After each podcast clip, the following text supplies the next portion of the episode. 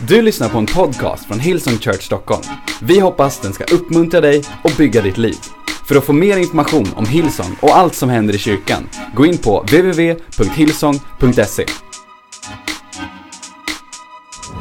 Om du vill ha en titel på dagens predikan så heter den Behöver du fortfarande Gud? Um, varje år inför varje nytt år så har jag en checklista. Ehm, som, eh, ni vet många av oss, vi, vi, eh, vi tar ny sats vad det gäller vår träning. Ehm, jag tar ny sats varje år. Inte så mycket sats som jag kanske behöver eller borde, men jag tar ny, man tar ny sats. Ni vet man, eh, jag har gett upp det här med att åka till gym, det hinner jag inte. igår så drog jag ett vildsvin i en timme där det inte ens fanns en väg och det behöver man ingen gymkort för. Men ehm, du vet, man gör massa nya saker i början på året och det ska bli bättre, man ska skärpa sig, det ska bli, ah, ah, du vet så här och, och man gör listor. Men jag, jag har en lista som jag försöker gå igenom varje år som handlar om mitt hjärta. En inre lista och ni vet eh, om, om ni är, jag ser att det här medelåldern är ju inte hög men den är lite högre än vad den blir senare ikväll. Och ni vet ju förr när man fick besikta bilarna, det gör man ju fortfarande. Men nu kanske du har en bil som du inte behöver besikta så mycket. Men förr fick man besikta bilarna och, och om det var som jag som hade gamla bilar så fick man ju gå, gå med ganska mycket i besiktningen och man fick sälja ganska mycket under själva händelsen.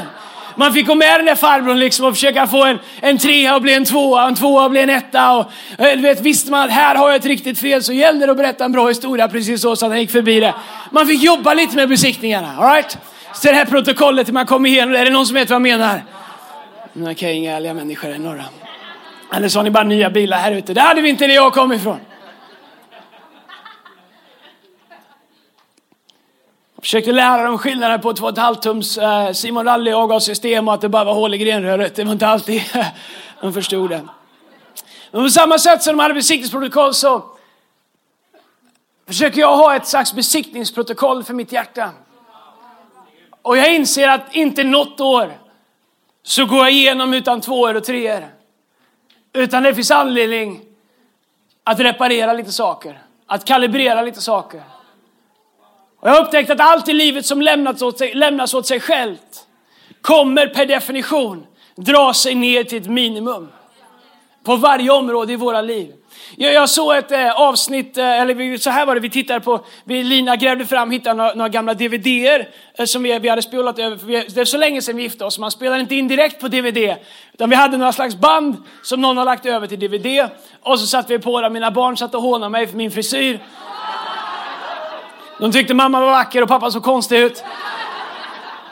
Jag hade långt hår, hade helvit kostym, såg ut som Benny Hinn gifte sig med Lina. Jag tyckte det var grymt. Mina barn fattar ingenting. Och eh, Erik Liljeroth, han satt och spelade keyboard som han var 12 år. Och lite senare på kvällen så hade bandet slipsen på huvudet och det såg ut som vilken firmafest som helst.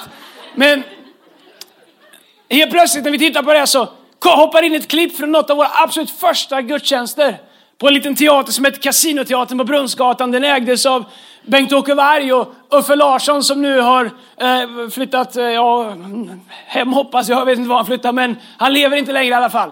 Och det var lite böcker i den här teatern, den var väldigt rough och det, man visste aldrig om det skulle funka när man kom dit på söndagar. Det var väldigt mycket problem med elen. Men det gick inte dit en elektriker för de hade styckat av den här teatern lite och sålt av den till kontor och då var det så lyckligt för teatern att elmätaren hade hamnat på kontorssidan. Det var två kontorsplatser där. De måste tänkt att det drog en väldig massa el de där två kontorsplatserna. Så vi fick liksom, så man fick hålla på och mecka och tvinna och kröka spik i proppskåp och allt möjligt för det skulle funka där. Och, och, och ett av de här första mötena det var, det, var, det var rough, det var, det var liksom, eh, det var inte så polerat som det är nu. Och Tobias Gard spelade gitarr, det såg ut som han hade en sån här stor, du vet så här, eh, risboll på huvudet, såna lampor som finns, han har så stor frisyr. Och Erik var där och Hanna Liljeron var ungefär sex år när de var med lite lovsång. Och det, det, det, var väldigt, väldigt tidigt. Och, men det jag slogs av när jag tittade på det, det var hur sinnessjukt mycket vi brann för vad vi gjorde. Hur mycket det gällde. Det var på liv och död. Vi hade allting framför oss. Utrustningen vi hade, den hade vi lånat utan lov kan man säga. Vi snodde den inte, vi lånade den utan lov. från andra sidan gatan låg en nattklubb som hette Blumen Bar. Eh, nu heter den Ambassadör och, och tidigare hette den Tiger, hetat allt möjligt. Och där spelade Erik och de det var klubban där på nätterna. Så när de var klara vid fem på morgonen så istället för att ställa in grejerna i skåpet så bar de tvärs över gatan där vi öppnade vår kyrka. Och så lånade vi de grejerna där. Det, det var väldigt opolerat. Men jag slogs av hur mycket det gällde. Och, och när jag gick och skulle somna senare på kvällen så, så funderade jag över Gud, gäller det fortfarande lika mycket? Nu när vi har så mycket mer. Det vi har varit med om på de här tio åren, vi har revival nights nu på nästa helg. Det, vi har haft revival nights tidigare, men det här kommer bli the mother of all revival nights. Det kommer bli större när vi hade Hillsong Conference här för några år sedan. Det kommer folk från hela världen, det kommer några av de bästa talarna vi vet och det kommer bli magiskt. Och så missa inte någonting. Men när jag ser tillbaks tio år in i resan så är det väldigt, väldigt enkelt att det som är ett helt sjukt mirakel, eller det är inte sjukt, det är friskt mirakel. Att låta det bli en vardag som vi tar för given. När jag såg den här filmen så bara kände jag, gode Gud, låt det aldrig någonsin bli så. Att vi börjar ta för givet det som är heligt och det som är gett utav dig. Om djävulen inte kan stoppa oss, han har försökt ända sedan vi startade med allt möjligt. Han har försökt med utmaningar, lokaler, media, you name it, allt. Men vi har haft en tro och vi har haft en sån enhet. Bibeln säger, där enhet råder, Psalm 33, dit befaller Gud sin välsignelse. Så, men jag har upptäckt att om, Gud inte, om djävulen inte kan stoppa oss framifrån så är hans nästa plan nästan alltid att låta oss bli familjära så att det inte riktigt gäller någonting längre. Kan han inte stoppa oss på utsidan så försöker han få oss att bli avslagna på insidan. Därför kan det vara värt att ställa sig frågan lite nu och då, vi som följer Jesus. Skulle våra liv fungera lika bra utan Gud? Vad i ditt liv skulle bli drastiskt annorlunda om Gud inte fanns i ditt liv? För om vi skulle klara att leva, säg inte det med någon form av fördömelse, utan bara som en det, det spännande fråga att ställa sig själv. För, och jag inser att jag faller kort så ofta på så många områden i mitt liv. Därför att jag lever inte mitt liv i tro på det sättet att jag är tvungen att Gud upprätthåller och uppehåller min tillvaro. Därför att jag har vågat ta sådana steg i tro på områden. Där som när jag tittade på våran video för tio år sedan. Där, hade Gud inte funnits, då hade det varit över innan det började. Men vet du vad? Vi är mer beroende av Gud idag. När, när, när jag skulle börja predika för 20 år sedan sa gode Gud om jag kan säga någonting bra. 20 år in och övat så att predika. Jag behöver Gud lika mycket idag. Även om jag kan gå upp och öppna Bibeln och predika när som helst så är jag minst lika beroende av Gud idag. Men om jag inte lever på ett sätt och spänner bågen så hårt så att jag måste ha Gud i mitt liv, annars så funkar inte min tillvaro. Då har du sålt dig själv kort av den potential som Gud har skapat dig att leva i. Och då har du nöjt dig med ett liv som är långt under vad Gud hade skapat och tänkt att du skulle kunna leva i. Och då är det dags att uppgradera din tillvaro, spänna bågen, ta fram din tro och säga Gud, jag är kallad att leva ett liv där jag är beroende av dig. Det fina är att vi behöver inte liksom sälja alla våra ägodelar och leva liksom i tro på det här sättet på alla områden för att ha det här livet. Utan det går att leva ett liv i välsignelse utan att bli familjär av välsignelsen. David, jag älskar berättelsen om David och Batseba. Jag har predikat om den från så många olika håll under så många år. David gick från den mest överlåtna av alla till att tappa bort både sig själv och Gud. I psalm 106, vers 1 så så står det så här, David säger halleluja. Det, är, det säger vi kanske för lite i kyrkan egentligen. Jag har en kompis som säger halleluja, men han säger det med sån inlevelse jag, vågar inte, jag kan inte mer säga till honom att det, så jag kör halleluja på du bara, det funkar. Halleluja, tacka Herren, ty han är god. Ty hans nåd varar i evighet. Vem kan berätta om Herrens väldiga gärningar och förkunna allt hans lov? David han är full av, liksom, han är overwhelmed utav Guds storhet och hans nåd och hans, vem han är. Man fortsätter att läsa verserna där och går de vidare och berättar, de berättar om allt som Gud har gjort i deras tillvaro, i deras, i deras, framför deras ögon. I vers 12 så står det så här, de trodde på hans ord och de sjöng hans lov. Till Gud alltså. Vers 13, en vers senare, nu skrevs inte Bibeln med verser, men ändå. Men snart glömde de hans gärningar, de väntade inte på hans råd. Alltså man går från en rad till nästa rad. De trodde på hans ord, de sjöng hans lov. Men snart glömde de hans gärningar. Precis som det så ofta är i våra liv. One day up, Sen glömmer vi hans gärningar. Vi är i en storm som Gud tar oss igenom. Vi ser hans trofasthet. Sen lite vardag, sen en ny storm och så glömde vi hur trofast Gud var i, i förra stormen. Så börjar vi fatta beslut baserat på en egen outcome som vi kan producera. Istället för att lita på att han som var trofast då, han är trofast nu. David var en gudsman.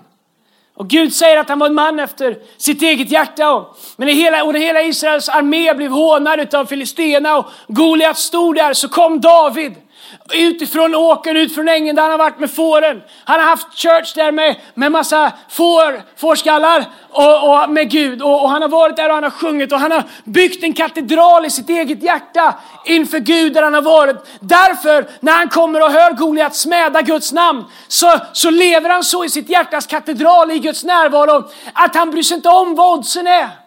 Han, är, han lever på, redan på en plats där, där han bara lever i förundran av Guds nåd och Guds storhet. Han säger, hej, det spelar ingen roll hur stor han är. Därför att han lever i en ständig, liksom, på en plats av tro, på en plats av Guds överflöd.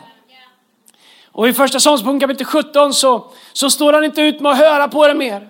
Så här, det står så här vers 45. David svarade Filistenas alltså Goliat. Du kommer emot mig med svärd och spjut och lans.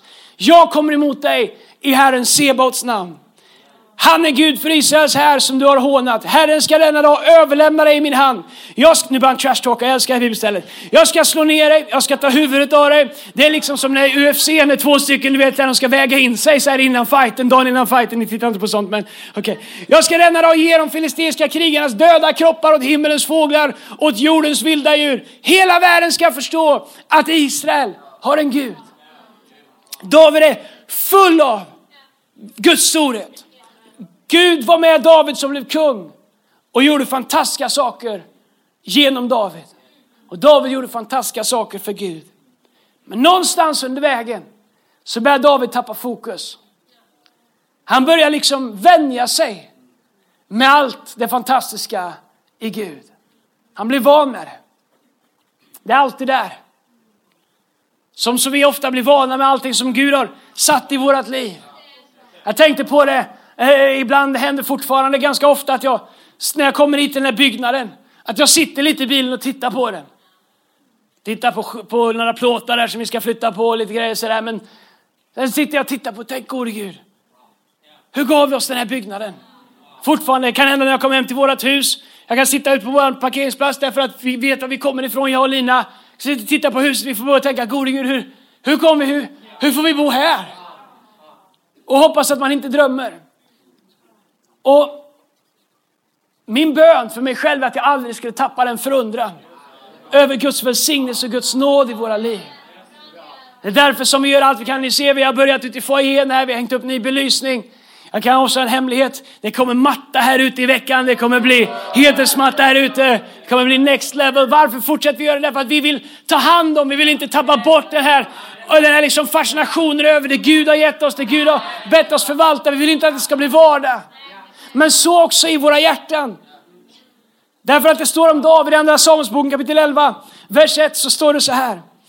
Följande år, vid den tiden då kungarna brukade dra ut i fält, David var en kung, sände David iväg Joab och med honom sina tjänare och hela Israel. Alltså vid den tiden på året när David brukar dra ut i, strid. Den dagen på året liksom när, när det är dags att gå ut och göra det kungar gör. Så vaknade David och kände, ah, men jag har ju hållit på att kriga, nu ska det vara, nu är det dags för nästa generation som de pratar om så mycket och, och kriga lite och ah, men jag tror jag stannar hemma.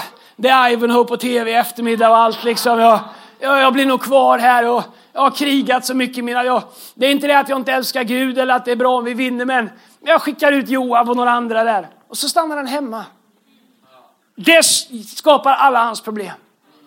Eller tvärtom. Det avslöjar hans problem. Därför att han går upp, det står så här. Eh, de förgjorde ammoniterna belägrade Rabba, men David stannade kvar i Jerusalem. Då hände det sig en kväll när David hade stigit upp från sin bädd, satt på Barry White och gått omkring på taket till det kungliga palatset.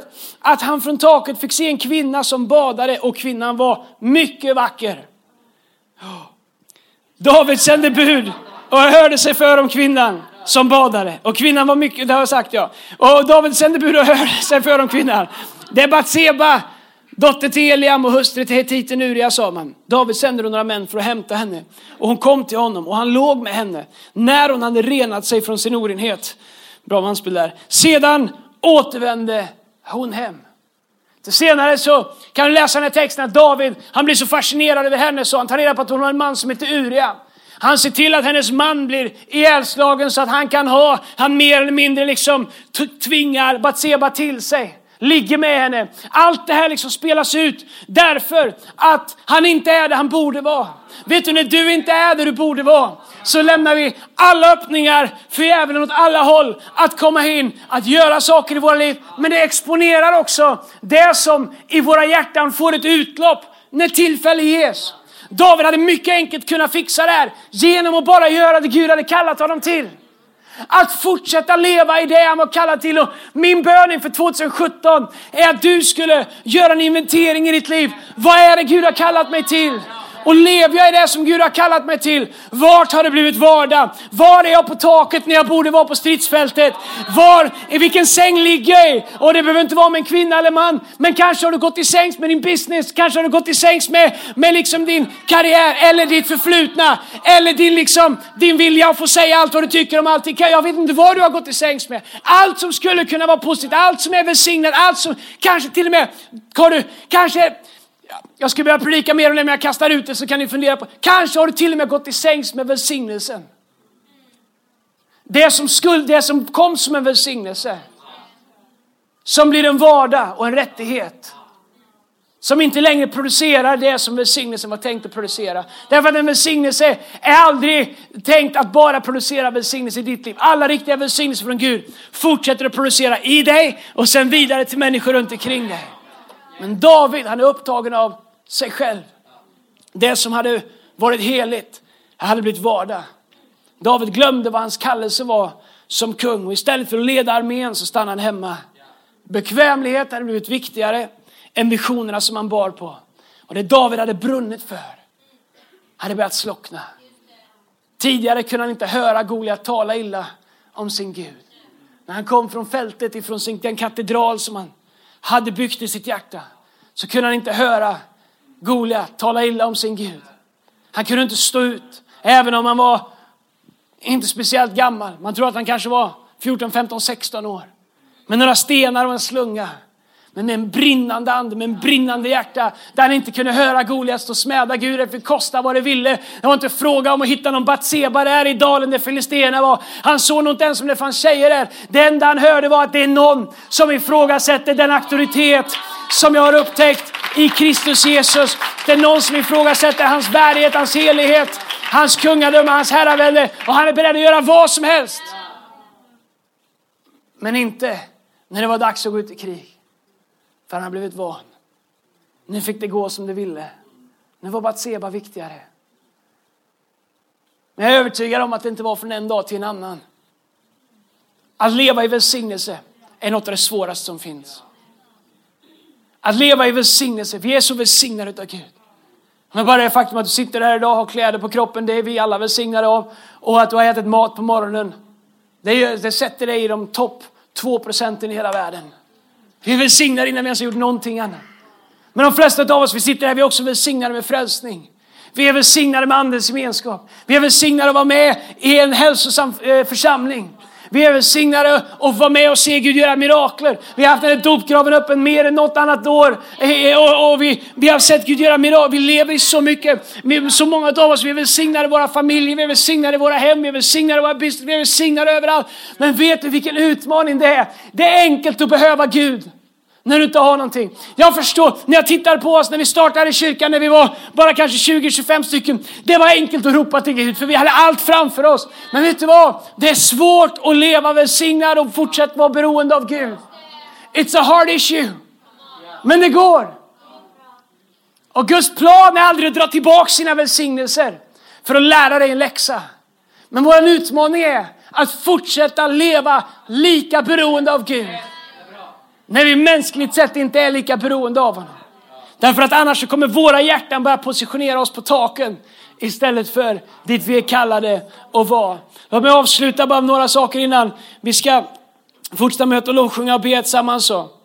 Jag har en lista med saker som min egen besiktningslista.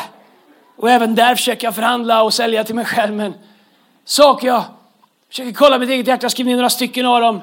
Slags samlingspunkter. Jag, fyra saker om vi hinner igenom dem. Fyra tecken på att vi har tappat eller håller på att tappa vår första kärlek till Gud. Och det som en gång var livsförvandlande.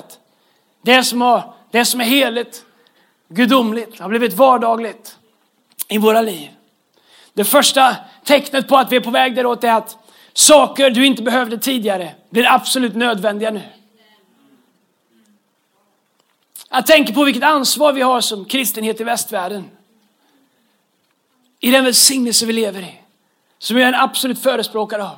Min bön och mitt tro är att det här ska bli ditt mest välsignade år någonsin. Jag är övertygad om att Gud vill välsigna dig på sätt du inte ens kan tänka att du kunde bli välsignad på.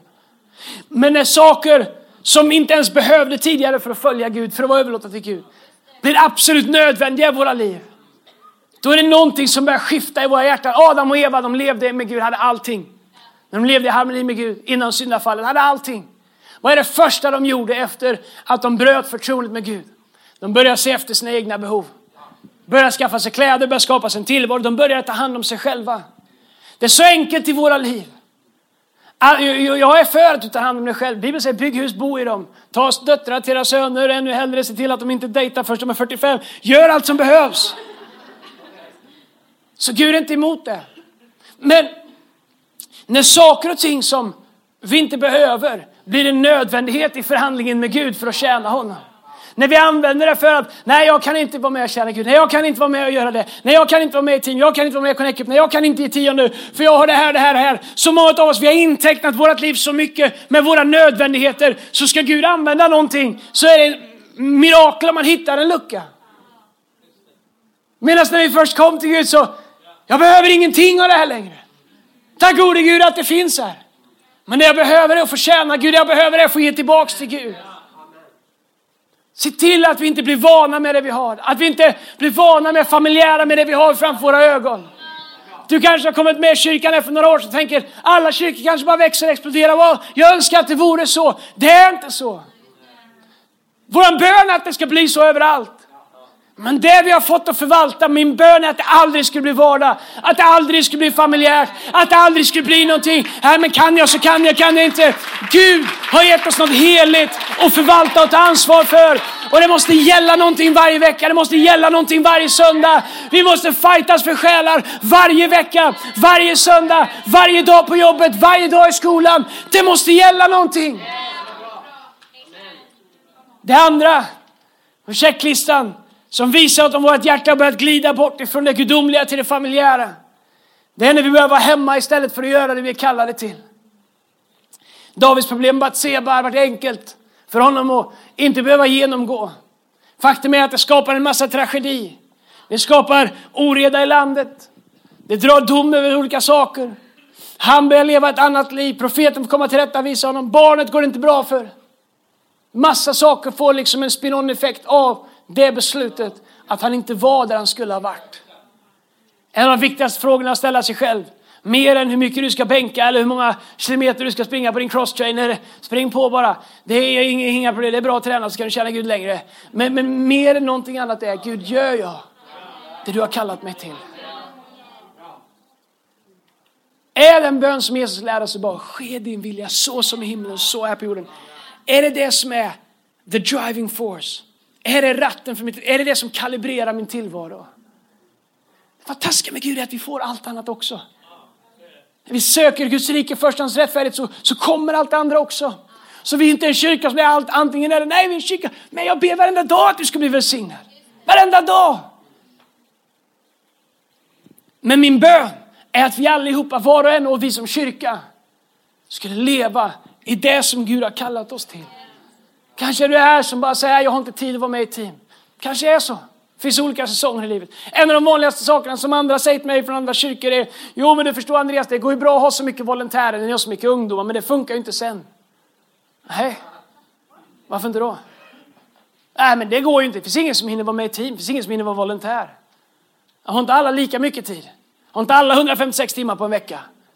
Är det inte så att om alla sover 8 timmar, att det är 52 eller 56 timmar, vad det jobbar 40 timmar att det, och sen tar 40 timmar till för att bara run life, att alla har 32 timmar över. Tänk om alla gav tionde på sina 156 timmar varje vecka. 15 timmar service for God, vara med och bygga hans hus, göra whatever. Det är klart att du har tid. Vi hinner med allt som är viktigt för oss. Jag inser att det kan se olika ut. Men jag är övertygad om att tjäna Gud. Det är inte bara allokerat till liksom när man är 20 till 22 och har lite fritid. Det finns ett sätt för oss att tjäna Gud i livets alla olika säsonger. Men om du är 120 år och ligger på hemmet, så knäpp dina händer och be för någon och tjäna Gud. Men det är aldrig en säsong i livet där vi inte tjänar Gud, där inte Gud får göra anspråk på våran tid, på våran comfort, på våran liksom kalender, på våran ekonomi, på våra tillgångar. Gud vill använda oss i livets alla säsonger. Men det finns en sån frestelse i våran vardag att bli som David, att stanna på taket för att det är bökigt att gå i krig. Det tredje som eh, på checklistan som visar oss om vi är på väg att glida mot det familjära, det är att det Gud gör och det Gud är mäktig att göra berör oss inte längre. Jag är tacksam att vara pastor i en kyrka där man kan berätta någonting som Gud gör och känna hur hela kyrkan firar det. Känna hur tron växer. Komma in här idag på morgonen och känna en atmosfär av tro. Höra när Lina talar om bönämnen och saker och ting och känna att det finns en kyrka som, som där det betyder någonting. När vi ber och det inte betyder någonting, då är det illa ute. Därför att det är liksom ett av de största tecknen på att våra hjärtan inte längre är det våra hjärtan behöver vara. Vi inleder imorgon 21 dagars bön och fasta, vilket också kommer att göra att efter det så kommer vi fortsätta varje torsdag morgon i, i, här i norra, och varje tisdag morgon in i city och varje fredag i södra och be, inte bara under fastan utan längre fram också hela resten av året. Och ja, vi behöver mer än någonsin, mer än någonsin se till att våra hjärtan är berörda och kalibrerade.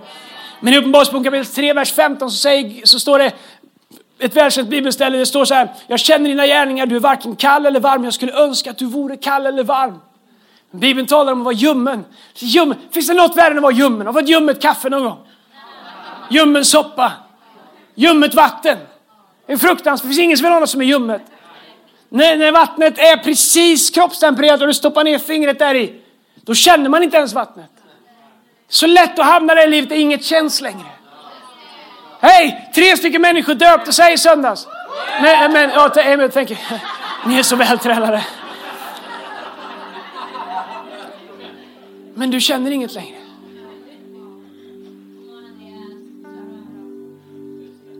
Vi har döpt över 200 människor.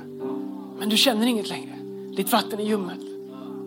Bibeln säger det vore bättre om du vore varm, att du kände någonting åtminstone. Att det betydde någonting. Vittnesbörd om vad Gud gör i kyrkan eller andras liv tar inte tag i ditt inre längre. Människors behov går enkelt att skaka bort och värja sig emot. Utåt sett kanske allt ser likadant ut men våra hjärtan blir kallare och kallare. Lovsång blir en mekanisk programpunkt där vi inte inser vem det är vi står inför och vems lov det är vi lyfter upp. Ingen predikant kan nå fram till dig längre. Du har hört allt förut, du kan alla bibelställen. Du vet storyn innan den berättas. Det tar inte tag längre. Jag har hört det förut. Istället för att be under frälsningsinbjudan i mötena så bör du packa upp din väska och göra redo för att gå. Istället för att fightas för själarna vars liv står och gungar under några få minuter varje söndag så är ditt huvud redan ute i foajén eller vidare under dagen. Du har glömt bort vad det betyder. Du har glömt bort vad det är vi gör. Det blir lättare att hitta fel än att glädjas över det som är bra. Du njuter av kvaliteten i kyrkan men håller tillbaka ditt givande. Jag slängde bara in den på slutet där, jag tyckte den var bra också.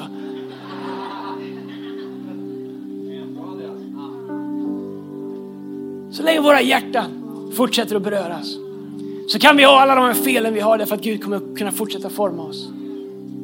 Problemet med David var att hans hjärta blev kallt, hans hjärta blev ljummet. Han klarade av att vara borta ifrån Gud. Det fjärde och sista är att vi tror att vi klarar oss själva. Jag har insett att det jag litar mest på här i livet, det är det jag verkligen tillber. Det som betyder mest för mig i livet, det är det jag verkligen tillber. Det som är viktigast för mig. Mina ägodelar, min prestige, mitt förflutna, mina segrar, mina tidigare sår. Allt vad vi nu håller högt. Det är viktigaste för oss. Det är det vi tillber. Oavsett om vi sjunger till Gud eller inte. Min bön är att det viktigaste skulle få bli det viktigaste. Och att vi skulle inse att vi klarar inte oss själva. Att fast vi lever i en sån välsignad del av världen, en sån välsignad tillvaro. Att vi skulle inse att våra hjärtan inte klarar oss själva. Att vi är lika beroende av Gud idag som vi var innan vi lärde känna honom. Att vi är beroende av honom för vårt nästa andetag. Att vi är beroende av honom för våra familjer. Att vi är beroende av honom för allt vi gör. Att alla gåvor och talanger och skills som vi har kommer ifrån honom. Att det är i honom vi lever, rör oss och är till. Efesierbrevet kapitel 1, vers 11 eller 12 står det It's in Christ we find out who we are and what we're living for. Att vi inte låter oss lura oss själva. För om djävulen inte kan stoppa oss så kommer han definitivt försöka få oss att tro att det kan inte vara så viktigt hela tiden. Det måste kunna bli lite vardag också. Det måste kunna få vara på taket lite också. Det måste kunna få ha lite gött också. Det får du. Men sök först Guds rike, hans rättfärdighet. Be först att hans vilja skulle ske. Här sitter vi i en samling av människor som kommer från olika vägar hit, alla med sin egen story. Det som förenar oss är inte vad vi tycker, det som förenar oss är vårt absolut lika gemensamma beroende av Guds nåd, av hans kärlek inför det året som ligger framför. Min bön är att om vår kyrka skulle vara känd för någonting, om det var någonting som skulle märkas, så skulle det vara människor som förstår sitt beroende av Gud. Att jag älskar med Jesus är att han fortsätter och står och knackar på våra hjärtan. Han lämnar oss inte. Jag är övertygad om att du känner och vi känner ibland. Ibland kan jag känna när mitt hjärta driftar så hör jag. Jesus där. Säg, kan du öppna? Säg, jag trodde jag hade släppt in Jesus. Han vill in i alla rum. Han vill in i alla rum. Även i det rummet som ingen har fått komma in i tidigare. Han vill vara överallt. Han vill komma in i det rummet som är din karriär, det rummet som är din familj, det rummet som är din ekonomi, det rummet som är din oförlåtelse, det rum som är din hälsa. Han vill in i alla rum. Han vill vara här överallt. Han vill att vi ska lita på honom överallt. David, när profeten kommer till honom Berätta för honom vad som har hänt. Så säger David så här, psalm 51, vers 12. Skapa i mig Gud ett rent hjärta och ge mig på nytt en frimodig ande. Förkasta mig inte från ditt ansikte och ta inte din heliga ande ifrån mig. Låt mig åter få jubla över din frälsning och håll mig uppe med en villig ande. Psalm 87, vers 7 säger han. Under sång och dans ska man säga. Alla mina källor har jag i dig. Min bön Church 2017. får skärpa mig. Min bön med allt vi har. Hur bra än alla andra säger att vår kyrka är. Att vi skulle leva beroende av Gud. Att vad vi än behöver klä av oss, vad vi än behöver lägga bort. Att vi skulle leva fullt medvetna om vårt absoluta beroende av Gud. Att du skulle upptäcka att när du överlämnar det till honom så kommer han aldrig göra ditt liv mindre. Det är inte så att han har för många att använda. Nej, tvärtom. Som du öppnar dig så kommer han använda dig. Vill du att din familj ska vara välsignad? Sätt Gud först. Din ekonomi, din hälsa, företag, drömmar, relationer. Lev inte som att det skulle gå utan Gud. Går ett tag. Men rätt vad det är så hamnar du på taket. Men han som har börjat ett gott verk i oss, han är rättfärdig och trofast och fullbordare inte Kristi dag i Jesu namn. Ska vi stå upp tillsammans, teamet kan komma fram. Ska sjunga en sång, ska vi fortsätta vårt möte här. Come on teamet. Kanske vill du sluta dina ögon där du står. Jag ska be en bön. Ska vi gå in bara en liten stund av lovsång där du inför Gud kan be en helig ande Kanske tala till ditt hjärta. Kanske finns det något område i ditt liv där det har blivit vardag. Jag inser att jag inte talar till avfällningar. Jag inser att jag talar till några av de mest kristna och fina människor jag känner. Men jag inser att om jag får brottas med det här så får förmodligen du också göra det. Tänk om det här skulle vara det året där vi mer än någonting annat bestämmer oss för att låta Jesus vara Herre i varje område i våra liv. Där vi, där vi, där vi bara påminner oss själva om vårt absoluta och där vi har lurat oss själva och tror att vi kan stå i egen kraft, att vi klarar oss själva. Att det här med Gud och kyrka, det är något som vi både kan ha och mista och hantera som vi vill. När vi inser att vi är köpta med ett pris. Att han gav sitt blod för att köpa oss fria, att vi är förlossade, friköpta med den dyrbaraste valutan som fanns och i Kristus Jesus så är vi nu medarvingar. Vi är Guds barn. Vi har rätten att säga Abba fader och veta att allt vad himlen är tillhör oss om vi låter Jesus vara först i våra hjärtan. Fader i Jesu namn, jag tackar dig för din nåd, för din kärlek Herre Jesus. Herre jag tackar dig för att när vi inte visste vem du var så såg du redan oss Herre. Herre du lyfte oss upp. Du har lyssnat till en podcast från Hillsong Church Stockholm. Om du vill veta mer om vår kyrka eller om våra söndagsmöten, surfa in på www.hillsong.se.